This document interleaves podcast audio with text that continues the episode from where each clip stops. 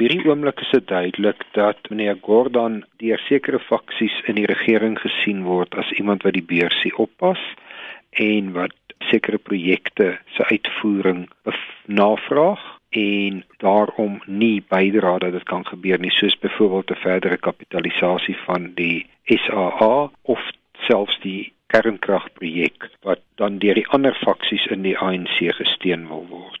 Die faksies in die ANC, waarvan praat ons? Aan die een kant praat ons losweg van 'n klomp mense wat hulle self met meneer Zuma assosieer en die algemene verwagting is dat daar moontlikhede vir bedrog en korrupsie daar binne sou wees wat tot persoonlike verryking kan lei. Aan die ander kant gee meneer Gordhan die indruk dat hy alle projekte deur die nasionale tesourie laat beheer juis deur sodoende bedrog aan bande te lê korrupsie aan bande te lê sodat daar skoon administrasie kan wees. Meneer Musi Maimani kan miskien dink hy is die leier van die oppositie, maar dit lyk eintlik vir my of meneer Pravin Gordhan op die oomblik deur die regering gesien word as die leier van die oppositie.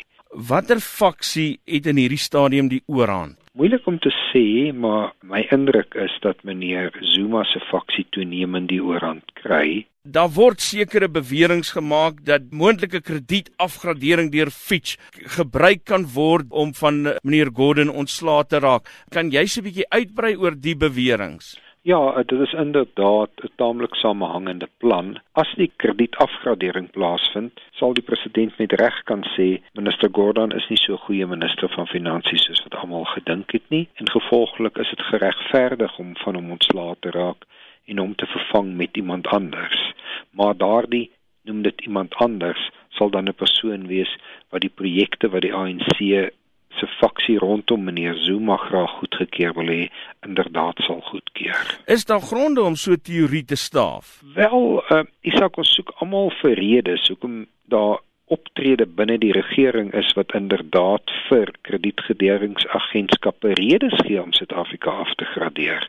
So ons almal op soek na 'n samehangende teorie hoekom daar snaakse optrede deur die regering is vir geen ooglopende voordeel vir Suid-Afrika nie. So ons moet begin dink wie sal voordeel kry daaruit as Suid-Afrika inderdaad sy krediet afgegradeer kry. Iemand moet voordeel daai trek en 'n mens moet dus begin soek na diegene wat daardeur bevoordeel sal word. Maar is die stryd dan nou regtig so vel dat niemand besef watter rampspoedige gevolge so iets kan hê nie? Die faksie rondom meneer Gordon besef definitief wat se rampspoedige gevolge die strategie sal hê. Die faksie losweg om meneer Zuma gee vir my toenemend die indruk dat hulle net belangstel in wat vir hulle self daarin is. Hulle gee regtig nie om wat met die land in die midde van dit alles gebeur nie. Spel bietjie vir ons uit Jannie, wat kan gebeur? Wel as Suid-Afrika se krediet afgegradeer word, sal rentekoerse onmiddellik opgaan. Beteken die regering se koste van lenings sal meer word, daar sal hoë rentekoerse op staatsskuld betaal moet word.